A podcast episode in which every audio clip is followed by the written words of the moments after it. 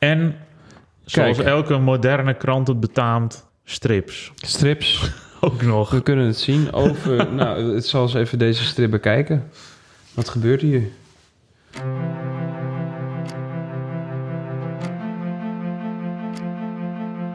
Met de Dutch Historian Geschiedenis Podcast zetten we geschiedenis terug op de kaart. Van de steentijd tot de 21ste eeuw, er is over elk tijdvak wel iets te vertellen. Want er is een oneindige hoeveelheid aan mooie en interessante verhalen. In deze podcast gaan we samen en met experts in gesprek over de uiteenlopende onderwerpen die dit land gevormd hebben. Wij gaan van de geschiedenis van Nederland een trending topic maken. Zo kunnen jullie na elke aflevering weer met nieuwe weetjes aankomen op een verjaardag. De Dutch Historian Geschiedenis Podcast. Ja. Hey Lars, Hey Axel. Heb jij nog wat eh, historisch gedaan eh, de laatste weken? Ja, ik, ik heb eigenlijk wel een leuk verhaal. Want ik was eh, met mijn familie te skiën in Oostenrijk. Grote familie. Grote familie. We waren met oma neemt ons, nam ons mee. En we waren met de hele familie. En dat was fantastisch. We gaan altijd naar Elmau. Ik weet niet of jou die plaats wat zegt. Zeker. Ja, Ja. ik ben er niet geweest, maar ik ken het. het is vlakbij Westendorf. Dat zegt altijd heel veel mensen wat. Ja. En voordat je naar Elmau gaat, moet je langs Koefstein. En eh, de- wij kwamen vrijdag aan. En zaterdag zouden we gaan skiën. Maar toen was er heel veel harde wind. Dus toen konden we niet omhoog met de lift. Oh, toen waren de liften dicht. Dus de liften waren dicht. Dus de- ja, we, we hadden een, een dagje te overbruggen. Ja. En als je voorbij Koefstein rijdt, dan rij je zo op zo'n snelweg. En dan kijk je naar links en dan zie je een slot van Koefstein. Het, het kasteel van Koefstein. Vet. Dus dit, is- dit is fantastisch. En ja, mijn, mijn vriendin kwam later nog. Dus die heb ik later nog opgehaald. En toen reden we er weer langs. En het, het, het blijft een bijzonder gezicht. We reden weer terug ook er langs en het blijft een bijzonder gezicht. En Maar staat het, her- staat het boven op een berg? het Of? staat een beetje boven op een, op een ja, soort berg inderdaad. En het kijkt een beetje over de stad uit. Ja. En het is gewoon, het is gewoon prachtig. Ik, Maar ik bedoel, ben je het- er ook geweest? nou, daar wou, ik- daar wou ik nog naartoe. ja, ja, daar wou ik nog naartoe. Want ik, ik had het dus al vaker gezien. In de jaren daarvoor gingen we ook altijd naar Elmau. En nu hadden we het dagje over. Dus ik zei tegen twee neefjes van me, kom, we gaan daarheen. Dus nou, wij met z'n drieën in de auto. Eh, mijn neefje had, eh, die ging rijden, die had net zijn rijbewijs. Dus die vond het prachtig om eh, weer even een stukje te rijden. Ja. Dus wij daarheen. En het is echt eigenlijk majestueus. Het staat zo mooi over die stad uit te kijken. Met de rivier er langs. En toen, nou, in de auto daar naartoe ga ik dan altijd zo nerderig ehm, opzoeken wat voor kasteel dan is geweest en zo. En eh, wie het dan geïnitieerd heeft en zo. En dus, dus al heel lang was het dus al een, eh, een kasteel. Maar het heeft dus ook een Nederlandse connectie. Oeh. En die wil ik even, even met jou delen. ben ik wel heel benieuwd. Want je zit natuurlijk in Oostenrijk dan. Maar dat kasteel is ooit belegerd door Maximiliaan I van Habsburg. Van Habsburg. Ja. Ja. Eh, dan praten we dus over de late 15e eeuw, begin van de 16e eeuw. Ja. En hij heeft dus, eh, die, die Maximiliaan, die heeft het dus belegerd in 1504. En ja, hij heeft eh, uiteindelijk het, het kasteel veroverd.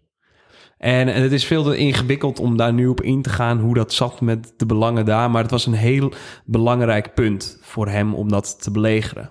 Maar die Maximiliaan van Habsburg, trouwens prachtig afgebeeld. Ik weet niet of je dat schilderij kent van hem. Eh, ik, ik zou het de luisteraars echt aanraden om het op te zoeken op, op de Wikipedia.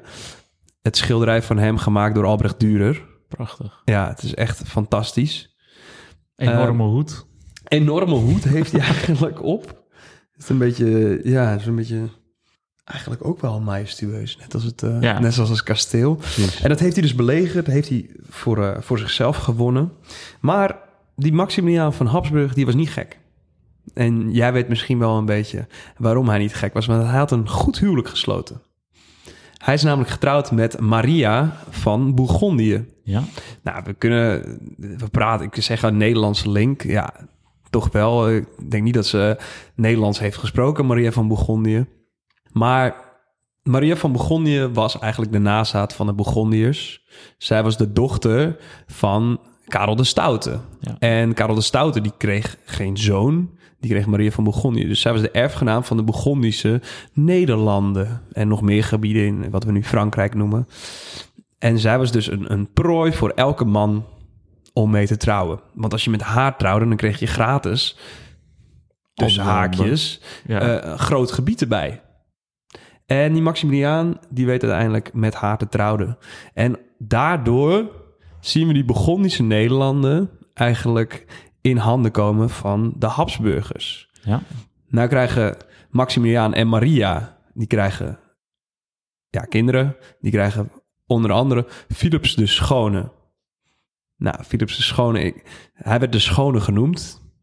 Ehm, ah, ze vonden hem mooi vroeger. Dat was, hè, daarom, daarom heet hij niet zo. hij dat- kwam dus ook uit ik, niet- vond het, ik vond het wel leuk. Hij komt dus een beetje uit het geslacht van eh, Karel de Stoute en, en Ja. Philips de Goede en eh Philips Ja. de Stoute en, enzovoort. Jan zonder vrees. Jan zonder vrees. Ja, Ja, we kennen allemaal wel. In ieder geval, wij zijn allebei fan van podcast De Bourgondiërs van Bart van Loo. Die spreekt het nog mooier uit dan, dan wie dan ook. precies. En uiteindelijk, eh, die, die Philips de Schone, die trouwt met Isabella van Castilië. Ja. Eh, Isabella de Waanzinnige wordt ze vaker genoemd. Eh, ze scheen ehm, ja, soms een beetje waanzinnig te worden, letterlijk. Ehm, en die krijgt een kind. En dat is Karel V. Ja. En Karel V, geboren in 1500, dat is altijd heel fijn. Geregeerd tot 1555. En dat was een, een heerser van een rijk waar de zon nooit onderging. Die had heel veel gebieden in Europa. Ook dus die, eh, de Nederlanden Ja. in zijn bezit. En uiteindelijk ook gebieden aan de andere kant van de wereld. Dus daarom zeggen ze altijd, een, waar, ja, hij heerst over een rijk waar de zon nooit onderging. En Karel V, die zijn zoon, dat is weer Philips II. En die kennen we, denk ik, maar al te goed. En zo gaat het eigenlijk de Nederlanden van Bourgondië naar Oostenrijk, naar Spanje. Ja, eigenlijk wel. Ja, zo kort gezegd is dat een beetje hoe het gaat. En het, ik vond het zo vet dat je dan in Koefstein loopt. Dat je dan naar zo'n fort gaat en dat je denkt... Maximiliaan, die heeft er dus gelopen.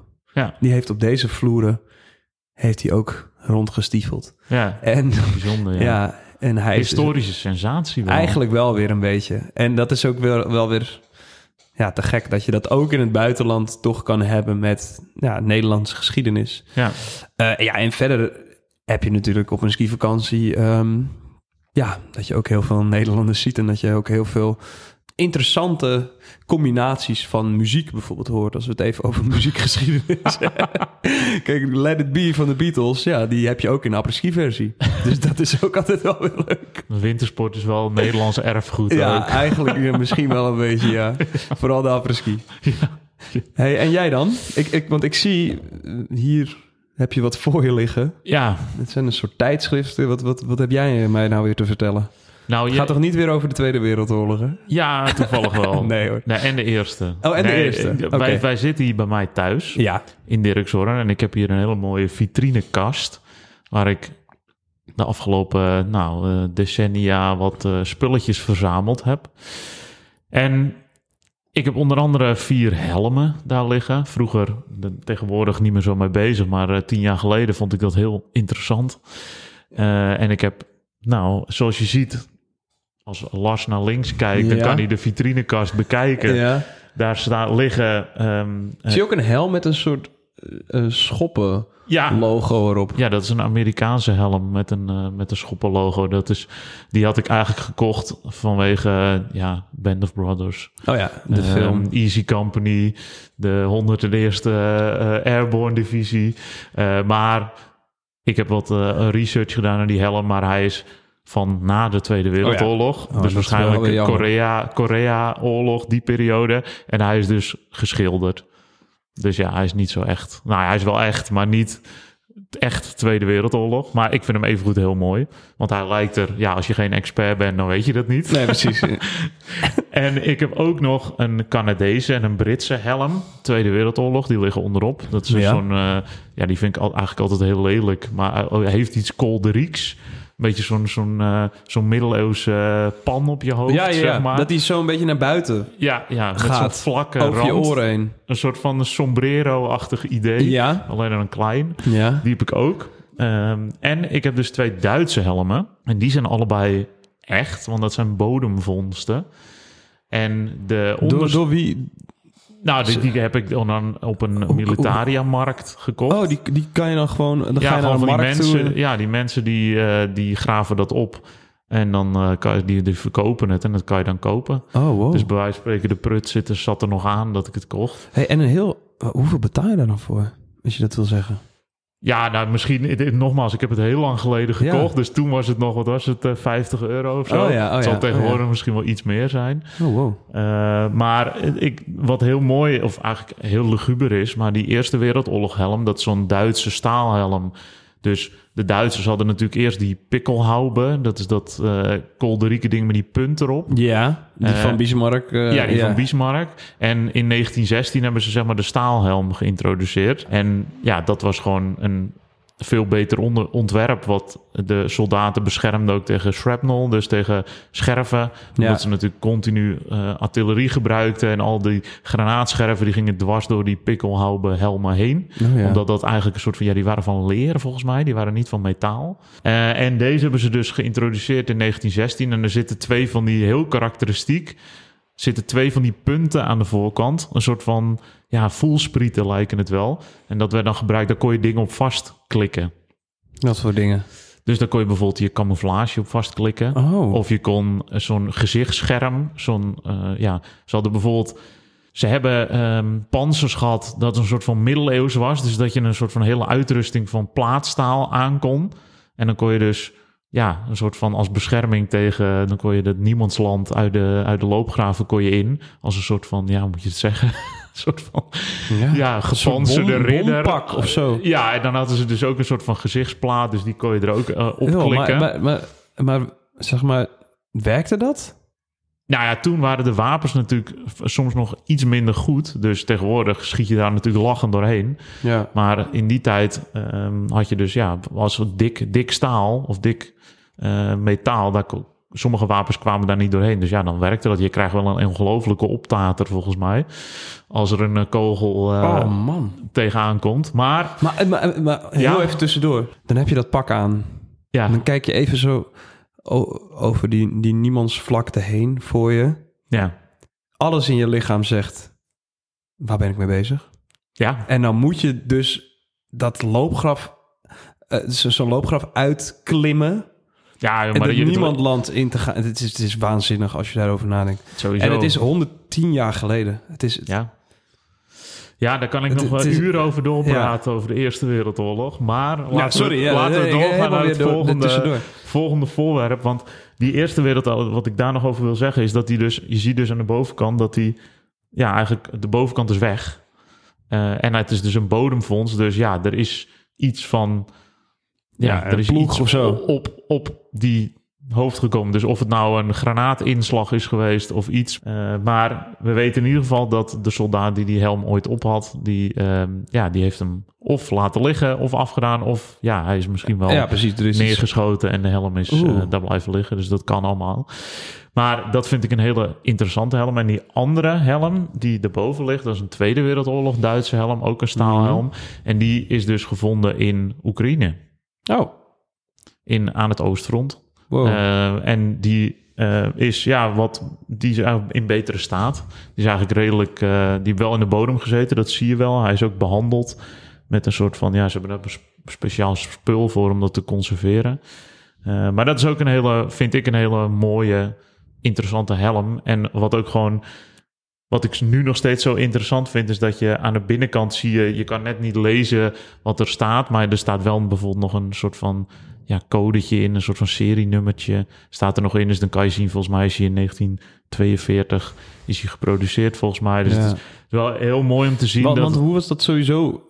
Ik kan me voorstellen dat daar altijd best wel eh, ja, dingen in werden geschreven en zo, toch? Zeker, Gewoon absoluut. namen en eh, boodschappen en ja. Ja, nee, absoluut. Die had dat is, eh, dat is wat er natuurlijk vaak gebeurt als het in de bodem heeft gelegen. Dan vergaan dat soort dingen Ja, precies. natuurlijk Dat als eerste. katoen, dat, eh, ja, Ja, want het, het roest natuurlijk. Dus Ja. ja, ja de helm, dus zeg maar, de vorm van de helm blijft wel intact. Maar als er iets opgeschreven is of zo, dan ja, vergaat dat precies. natuurlijk Oh gewoon. dat En het zijn vaak de, de hele mooie helmen die er nog bestaan. Dat zijn niet dingen die in de grond hebben gelegen. Nee. Dat zijn altijd dingen die in een schuur of eh, die opa op zijn zolder had. Of weet je, dat Ja, zijn allemaal van precies. dat soort eh, zaken. Maar ik vind persoonlijk, vind ik altijd de, ja, de soort van de gebruiksvoorwerpen, die vind ik het interessantst. Omdat dat, ja, deze helm is dus echt gebruikt. Ja, Ja. hoe die daar is Oh. beland, dat weet niemand. Maar hij is gebruikt. En dat vind ik gewoon heel bijzonder om te hebben.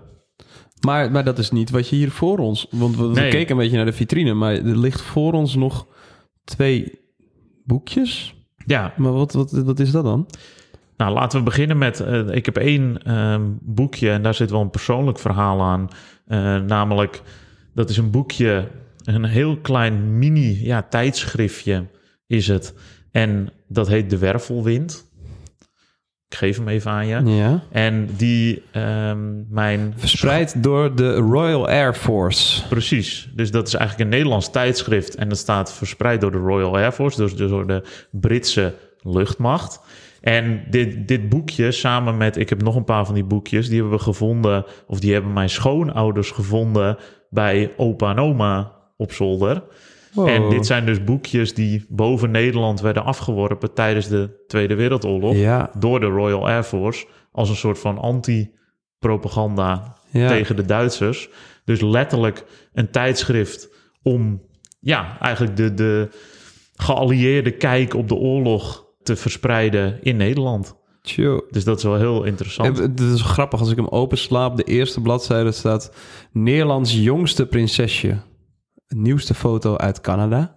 Oh ja, die zaten... Haar eh, koninklijke hoogheid, prinses Juliana met prinses Margriet. Ja, Ja. ja Toch bijzonder. het is echt heel bijzonder. En er, Ja. staan, er staan dus echt allemaal... Het is echt propaganda in de zin van... Ze willen eigenlijk laten zien in het boekje dat, dat, dat het Duitsland echt op zijn eind loopt. Dus Hier, echt van... vrouwen, vrouwen in de vrije wereld. Dit is Veronica X, de vrouw van de Nederlandse vlieger van de marine van de luchtvaartdienst. Ze vliegt toestellen over de fabrieken naar vliegvelden overal in Engeland. Wauw, wat bijzonder. Dus eigenlijk komen ook verhalen uit het verzet hier. Veronica Ook- ook X, die, die, dus, die dus gewoon in een Nederlands vliegtuig naar Engeland vliegt. Ja, Met alle gevaren van dien. ja. Dat zijn de echte mensen, ja. Maar wat bijvoorbeeld ook er echt in terugkomt, is bijvoorbeeld het Oostfront. Ja. Dat, omdat de Duitsers natuurlijk op dat moment was Nederland natuurlijk nog ja, onder Duits gezag. En die Duitsers die vertelden natuurlijk altijd van nou, het gaat goed en eh, we, we, we staan op winnen en eh, ik zou je maar aansluiten bij ons. En dit is dus eigenlijk echt het tegengeluid. Zo van hé, hey, het gaat helemaal niet goed. De, dit is gebeurd en eh, ze hebben daar een eh, verlies geleden. En Ja. dit, de geallieerden zijn daar geland. En de geallieerde zus en de geallieerde zo. Dus ja, het is echt een soort van het tegengeluid van de, de Duitse propaganda. Wow. En er staan dus heel veel verhalen ook in van Engelandvaders. Dus van eigenlijk Nederlanders die naar Engeland gingen. Niet per se allemaal Engelandvaders, maar gewoon mensen die Nederlanders die dus blijkbaar in het buitenland zitten en die dus iets doen voor de oorlogsindustrie van de geallieerden. Dus inderdaad, eh, ja, mensen die eh, vliegtuigen, eh, transportvliegtuigen Ja, besturen. Of er staat hier bijvoorbeeld ook een artikeltje in ehm, over de Haagse Maginot-linie. Dus dat zijn dan, dat is eigenlijk dan Duitse, de Duitse li- verdedigingslinies rond Den Haag. Die zijn dan een soort van door geallieerde luchtfoto's eh, gefotografeerd. En die worden dan hier weergegeven met een soort van tekst erbij. Oh, ja. Dus het is echt heel interessant eh, om te lezen. En oh, dus, hier staat eh, Royal Air Force luchtfoto van de verwoesting die de Duitsers, Duitsers met SCH, ja, teweeg brachten in Scheveningen in Den Haag. Dan zien we daar allemaal pijltjes bij plekken die gebombardeerd zijn. ja. Bizar zeg. Nou, wat, wat, een, wat een bijzonder boekje zeg. ja, en dat lag dus bij De dus wervelwind. de schoonouders op, eh, op zolder. En het is ge- gedateerd op 13 augustus 1943. Ja, is echt midden Dus dat in, is, eh, midden dat is een boekje wat 80 jaar oud is. Ja, Heb ik hier zo in mijn handen. Nou, goed bewaren. zeker. Ja. En daarnaast ook een heel interessant tijdschrift heb ik liggen. En daar staat, ehm, ja, daar staat heel groot een hakenkruis op. Ja, ik kan het zien, ja. En het is een signa signaal, denk ik dat je het in Duits uitspreekt. Want het is een signaal. Het is een Duits tijdschrift. eh, eigenlijk een soort van glamour tijdschrift. Ja, Ehm, en het bijzondere hieraan vind ik, dit is een tijdschrift wat de Duitsers eigenlijk in elk bezet land uitbrachten. En dit is dus eigenlijk de tegenhanger van, Van de het boekje wat ja. we net eh, hadden. En hier staat dus, nou, echt bizar. Er staat, eh, ik vind het heel modern eruit zien. Dat is heel gek, want het is eigenlijk een mag ik, soort het, van... mag ik het eens inzien? Ja, het is eigenlijk een soort van glossy. Oh, ja. Eh, dus er staan, hij is enorm groot. Ik denk dat hij, nou wat is het, 15 keer zo groot is als dat boekje wat we Ja. net bespraken. Hij is echt En, enorm en deze groot. is gedateerd op 1941. ja, ja, juli 1941. en dit is dus eigenlijk, dit is een Franse. Maar eigenlijk was het overal hetzelfde. Oh ja, en we zien een soort van... Als we een boekje openslaan... Zien we Ja, dus dit is, dit eigenlijk het, het, het, Het front. front. het front in Rusland. Dus dit is nog voordat Hitler Rusland binnenvalt. Ja, Dus dit is ja, eigenlijk de ja, frontlinie. ik kan het zien, ja. ja. En het interessante eh, vind ik aan dit boek, en dat, dat fascineert mij altijd zo gigantisch, dat dus hier staat ook reclame in, Oh ja. in die signaal. En er staan buiten, ja, zie je allemaal eh, eh, Duitse soldaten met blond haar en blauwe ogen, want het is dus in kleur ook. Het is Ja. een kleur wat Ah, best, ja, wat best zien, bijzonder is. Ehm, maar naast dat staat er ook reclame in. Maar dan staat, waar, waar staat reclame van in?